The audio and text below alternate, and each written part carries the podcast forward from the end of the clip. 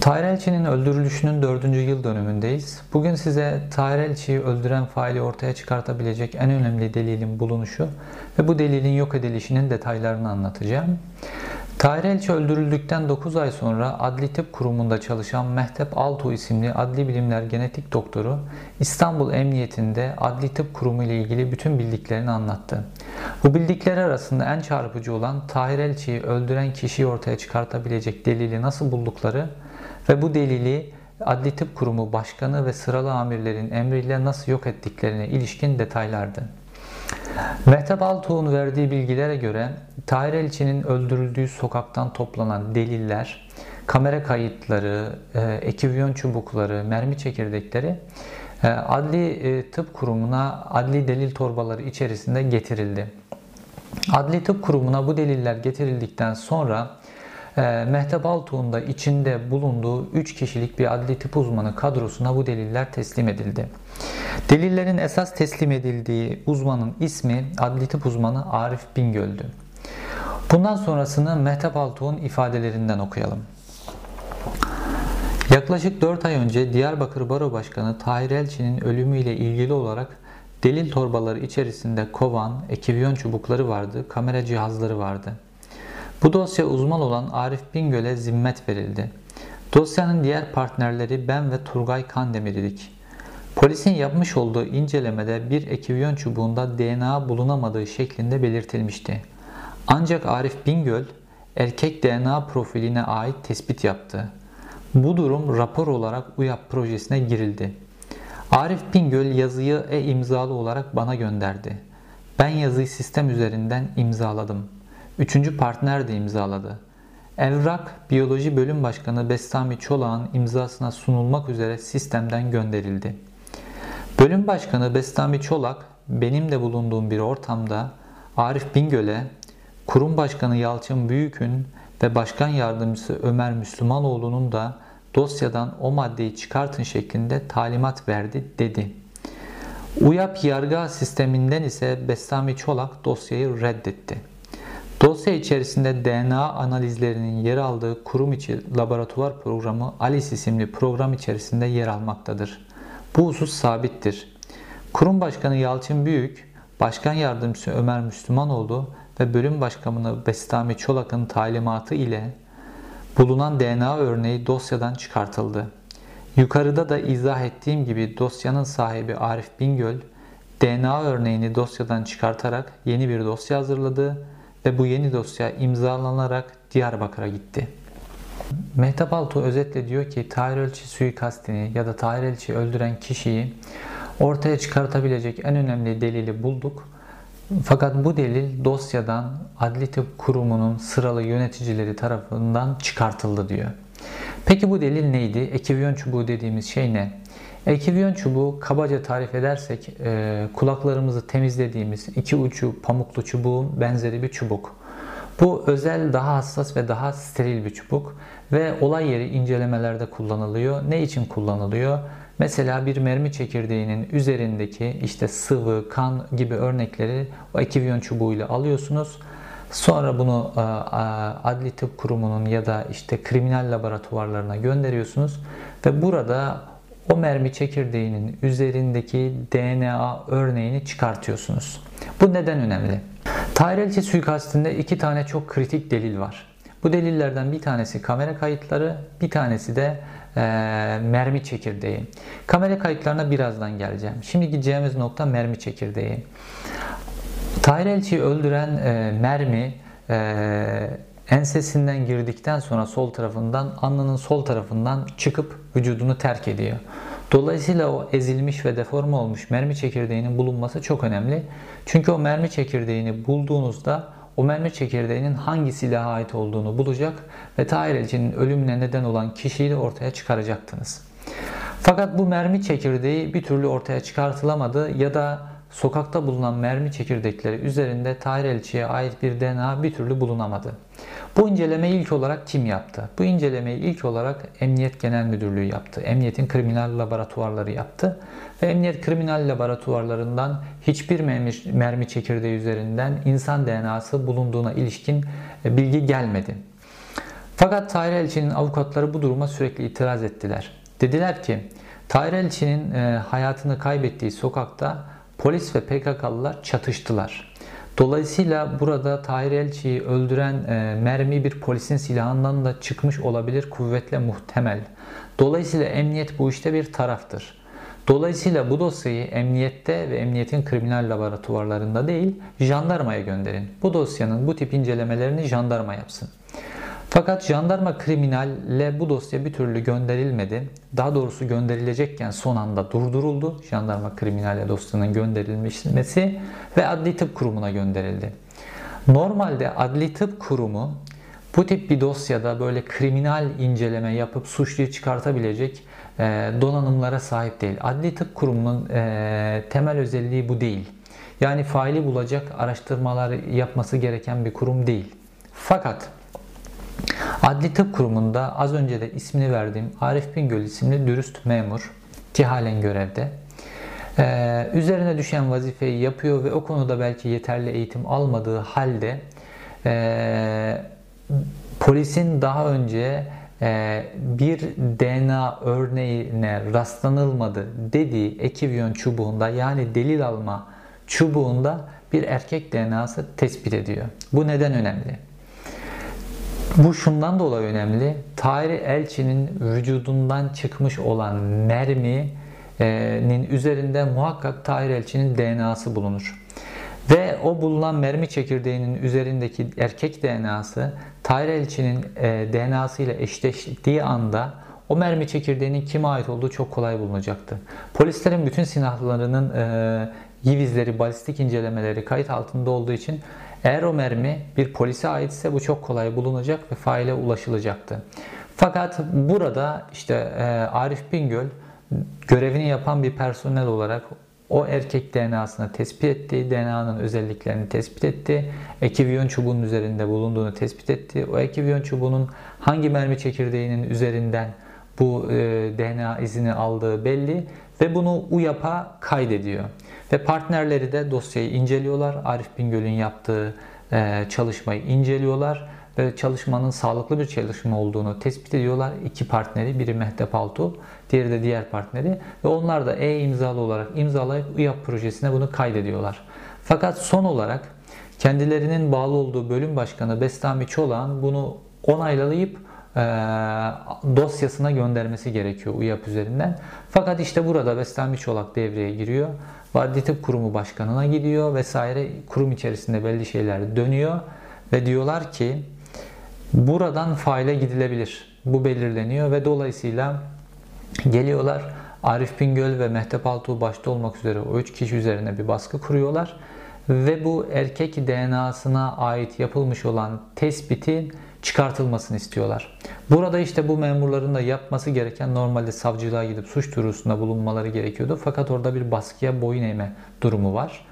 Ve onlar da bu tespiti dosyadan çıkartarak yeni bir rapor düzenliyorlar. Ve bu yeni rapor UYAP'a giriliyor. Eski raporu da Bestami Çolak reddediyor. Şimdi Bestami Çolak, Yalçın Büyük ve Ömer Müslümanoğlu kim diye bir bakalım.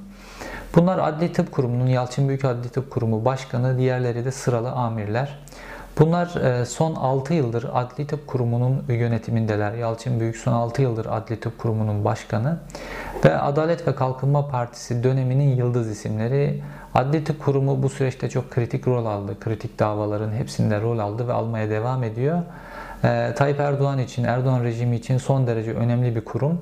Ve dolayısıyla Yalçın Büyük e, istikrarlı bir şekilde, şekilde Adli Tıp Kurumu'nun başında kalmaya devam ediyor. Ee, ve Adli Tıp Kurumu'nda tamamen kendi kadrolarıyla oluşturmuş durumda. Şimdi e, Mehtap Altuğ bu ifadesini e, verdikten sonra e, Mehtap Altuğ'un bu ifadesi e, İstanbul Emniyeti Güvenlik Şube tarafından e, Bakırköy Cumhuriyet Başsavcılığına gönderiliyor. Tabii e, bu süreçte biliyorsunuz 15 Temmuz'dan sonra e, Türkiye'de böyle bir kaotik ortam, binlerce ifade, binlerce soruşturma vesaire arasında bu ifade e, olay normalde kapatılmış olmasına rağmen bu ifade bir karışıklıkla belki gözden kaçarak belki Bakırköy Cumhuriyet Başsavcılığı tarafından Adli Tıp Kurumu ile ilgili yürütülen büyük soruşturmanın dosyasının içerisine konuyor. Yani polisler İstanbul Emniyeti'ndeki bu ifadeyi alan polisler Tahir Elçi'nin öldürülüşüyle ilgili en önemli delili nasıl yok edildiğini e, ifade alıp duyuyorlar, öğreniyorlar. Sonra Bakırköy Cumhuriyet Başsavcılığına gidiyor. Bakırköy Cumhuriyet Başsavcısı konuyla ilgilen savcı e, bu ifadeyi okuyor ve savcı da biliyor. Daha sonra savcı bunu e, dosyaya koyuyor. iddianamenin içerisine, eklerinin içerisine koyuyor daha doğrusu. Ve mahkemeye de arz ediliyor bu. Dolayısıyla mahkeme de biliyor. Dolayısıyla e, polis, savcı, hakim bunların hepsi şu anda Tahir Elçi suikastini, Tahir Elçi'nin öldürülüşünü ortaya çıkartabilecek en önemli delilin nasıl yok edildiğine vakıflar. Fakat ne oluyor? Hiçbir şey. Ee, ta ki ne zamana kadar? Ben bunu e, yazana kadar. Ben bunu haberleştirdikten sonra e, yine Bakırköy e, savcılığından hiçbir hareket olmadı. Mahkemeden hiçbir hareket olmadı. Normalde bunların hepsi ani refleksif olarak ve görevlerinin gereği olarak Adli Tıp Kurumu'nun yöneticileri hakkında e, soruşturma başlatmalı ve bu olayı aydınlatmalılardı. Fakat böyle bir şey olmadı. Ne oldu? Adli Tıp Kurumu Başkanı Yalçın Büyük panik halde bir açıklama yaptı ve haberimi yalanladı. Daha doğrusu benim haberimi yalanlayamıyor. Çünkü Mehtap Altuğ'un bir ifadesi resmi olarak kayıtlara geçmiş vaziyette. Mehtap Altuğ'u yalanlıyor. Diyor ki bir personelimizin verdiği yalan yanlış beyanlar gibi. Şimdi Mehtap Altuğ e, biliyorsunuz 15 Temmuz'dan sonra ne KHK'lar çıktı neler oldu 150 bin kişi kamudan atıldı. Mehtap Altuğ hala görevinin başında görevine devam eden e, bir adli tıp kurumu e, adli bilimler genetik doktoru ve hala görevine devam ediyor. Bu açıklamada Mehtap Altuğ'a dava açılacağı da hukuki haklarını da kullanacağını söyledi Adli Tıp Kurumu Başkanı Yalçın Büyük. Fakat bunların hiçbirisi olmadı. Benim haberimden sonra bu yapılan açıklamalarda ki bu tehditlerin e, hiçbirisi gerçekleşmedi. Açamazlar da Mehtap Altuğ'a bir dava. Çünkü bu davayı açtıklarında Tahir Elçi olayının, Tahir Elçi'nin failini ortaya çıkartabilecek en önemli delilin nasıl yok edildiğine ilişkin de aynı zamanda ilk kez bir dava olacak. Ve bu bir dava konusu haline gelecek. İşte burada belki Mehtap Altuğ daha çok şey anlatacak. Belki bu tespiti yapan Arif Bingöl şahit olarak çağrılacak ve Arif Bingöl bildiklerini anlatacak. Bu dosyadaki e, üçüncü partnerleri e, bildiklerini anlatacak.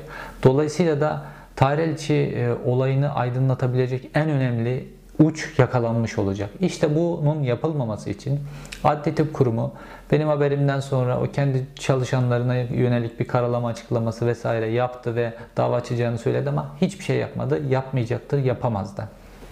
Fakat ne oldu? Tahir Elçi'nin e, avukatları, Diyarbakır Barosu bir açıklama yaptı ve benim haberimden sonra Mete Baltuğ'un ifadeleriyle ilgili gereğinin yapılması için ve e, şu an hala belki de ALIS sistemindeki kayıt altına normalde silinemez.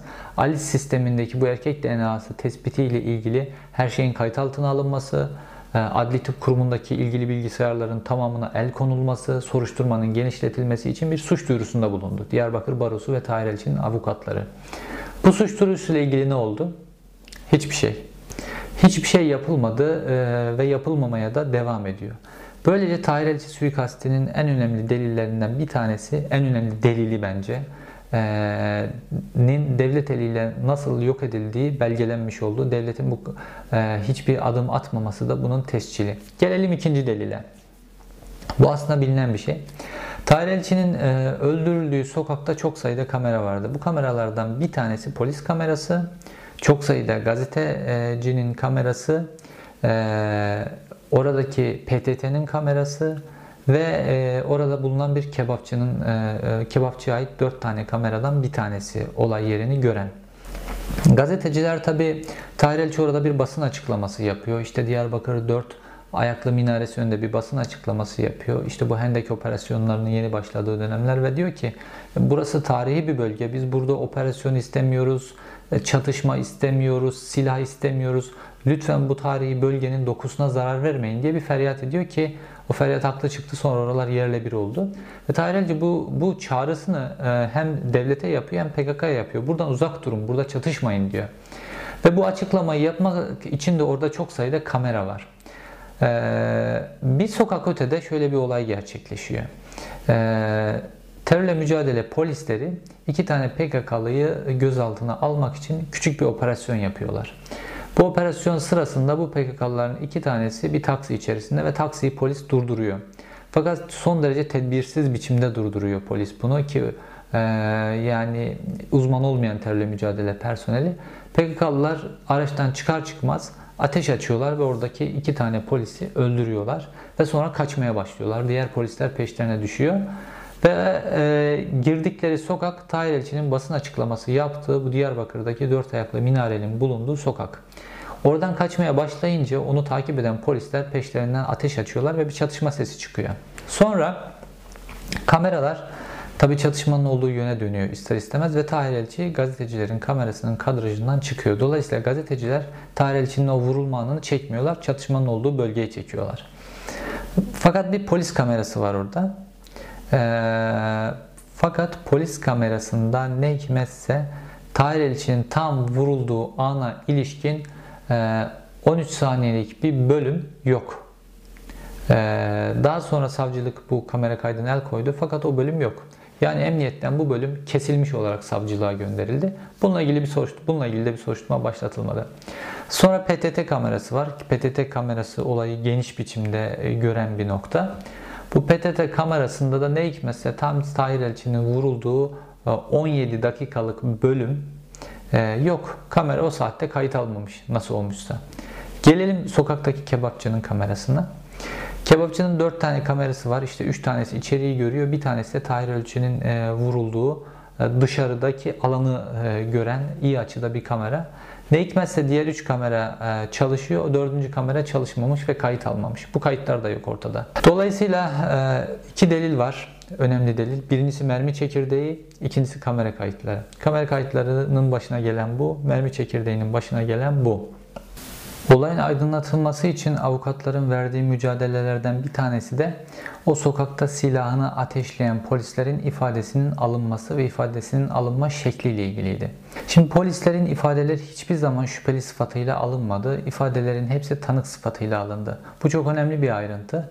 Çünkü tanık sıfatıyla ifadeniz alındığında e, avukatlar o ifadeye soruşturma aşamasında katılamıyor, soru soramıyorlar işte HTS kayıtlarından konum tespiti yapılamıyor ve bunun gibi pek çok araştırma yapılamıyor. Savcılık bu yüzden ısrarla e, bu polislerin ifadelerinin şüpheli sıfatıyla alınmasını yerine getirmedi. Tamamen tanık sıfatıyla ifadelerini aldırdı ve avukatların tanık sıfatıyla ifade alınırken bile e, girip soru sorma taleplerinin hepsi geri çevrildi. Fakat e, avukatlar yine kendi çabalarıyla toplayabildikleri delillerin hepsini Londra Üniversitesi Adli Mimarlığa gönderdiler. Londra Üniversitesi e, deliller üzerinde, kamera kayıtları üzerinde, şahitlerin anlatımları üzerinde uzun araştırmalar yaptı eldeki kamera kayıtları üzerinden ve 3 tane polisin e, açık biçimde Tahir Elçi'yi öldürmüş olan kişiler olabileceklerini tespit etti. Bu rapor 3 boyutlu grafikler, analizlerle falan çok e, detaylı hazırlanmış e, bir rapordu, dosyaydı. Bu dosyada e, Diyarbakır Barosu tarafından, e, Tahir Elçi'nin avukatları tarafından savcılığa sunuldu. Bu raporla ilgili de hiçbir şey yapılmadı. Raporda 3 tane polisin e, konumları dahil e, detaylı biçimde e, belirtilmelerine rağmen e, faili olarak işaret edilmelerine rağmen bu polislerin de ifadeleri alınmadı. Ne e, şüpheli sıfatıyla bu rapordan sonra ne de tanık sıfatıyla ifadeleri alınmadı. Bu raporda yok gibi davranıyor savcılık. Belki de Tahir Elçi'nin öldürülüşü gerçekten işte o çatışma ortamı içerisinde az önce anlattığım bir kaza kurşunuyla hayatını kaybetti. Bunu bilmiyoruz. Fakat sonrasında olanı biliyoruz. Sonrasında olan şu. Devlet e, organize biçimde Tahir Elçi suikastinin üzerini kapattı. E, delillerini yok etti ve bunu çok göstere göstere yaptı. Nasıl yaptı? E, Tahir Elçi suikastinin olduğu yerde günlerce olay yeri incelemesi yapmayarak. Nasıl yaptı? Kamera kayıtlarını saydığım dört ayrı e, kurumun kamera kayıtlarını keserek, savcılığa göndererek. nasıl yaptığı adli tıp kurumunda tespit edilen erkek DNA'sı, e, kurşun üzerinde tespit edilen erkek DNA'sı ile ilgili kaydı e, yok ederek. Yani devlet şunu gösterdi orada. 90'lar geri döndü. Devlet ayarlarına geri döndü. Ayağınızı denk alın. Ayağını denk almayan insan hakları savunucuları, öğretmenler, avukatlar, doktorlar, hukukçular işte şu an rejimin zindanlarında ömürlerini tüketiyorlar. Tekrar söylediğim gibi Tahir suikasti bütün bunların mihenk taşı olarak tarihe geçti. Kapatılışı ve işlenişiyle.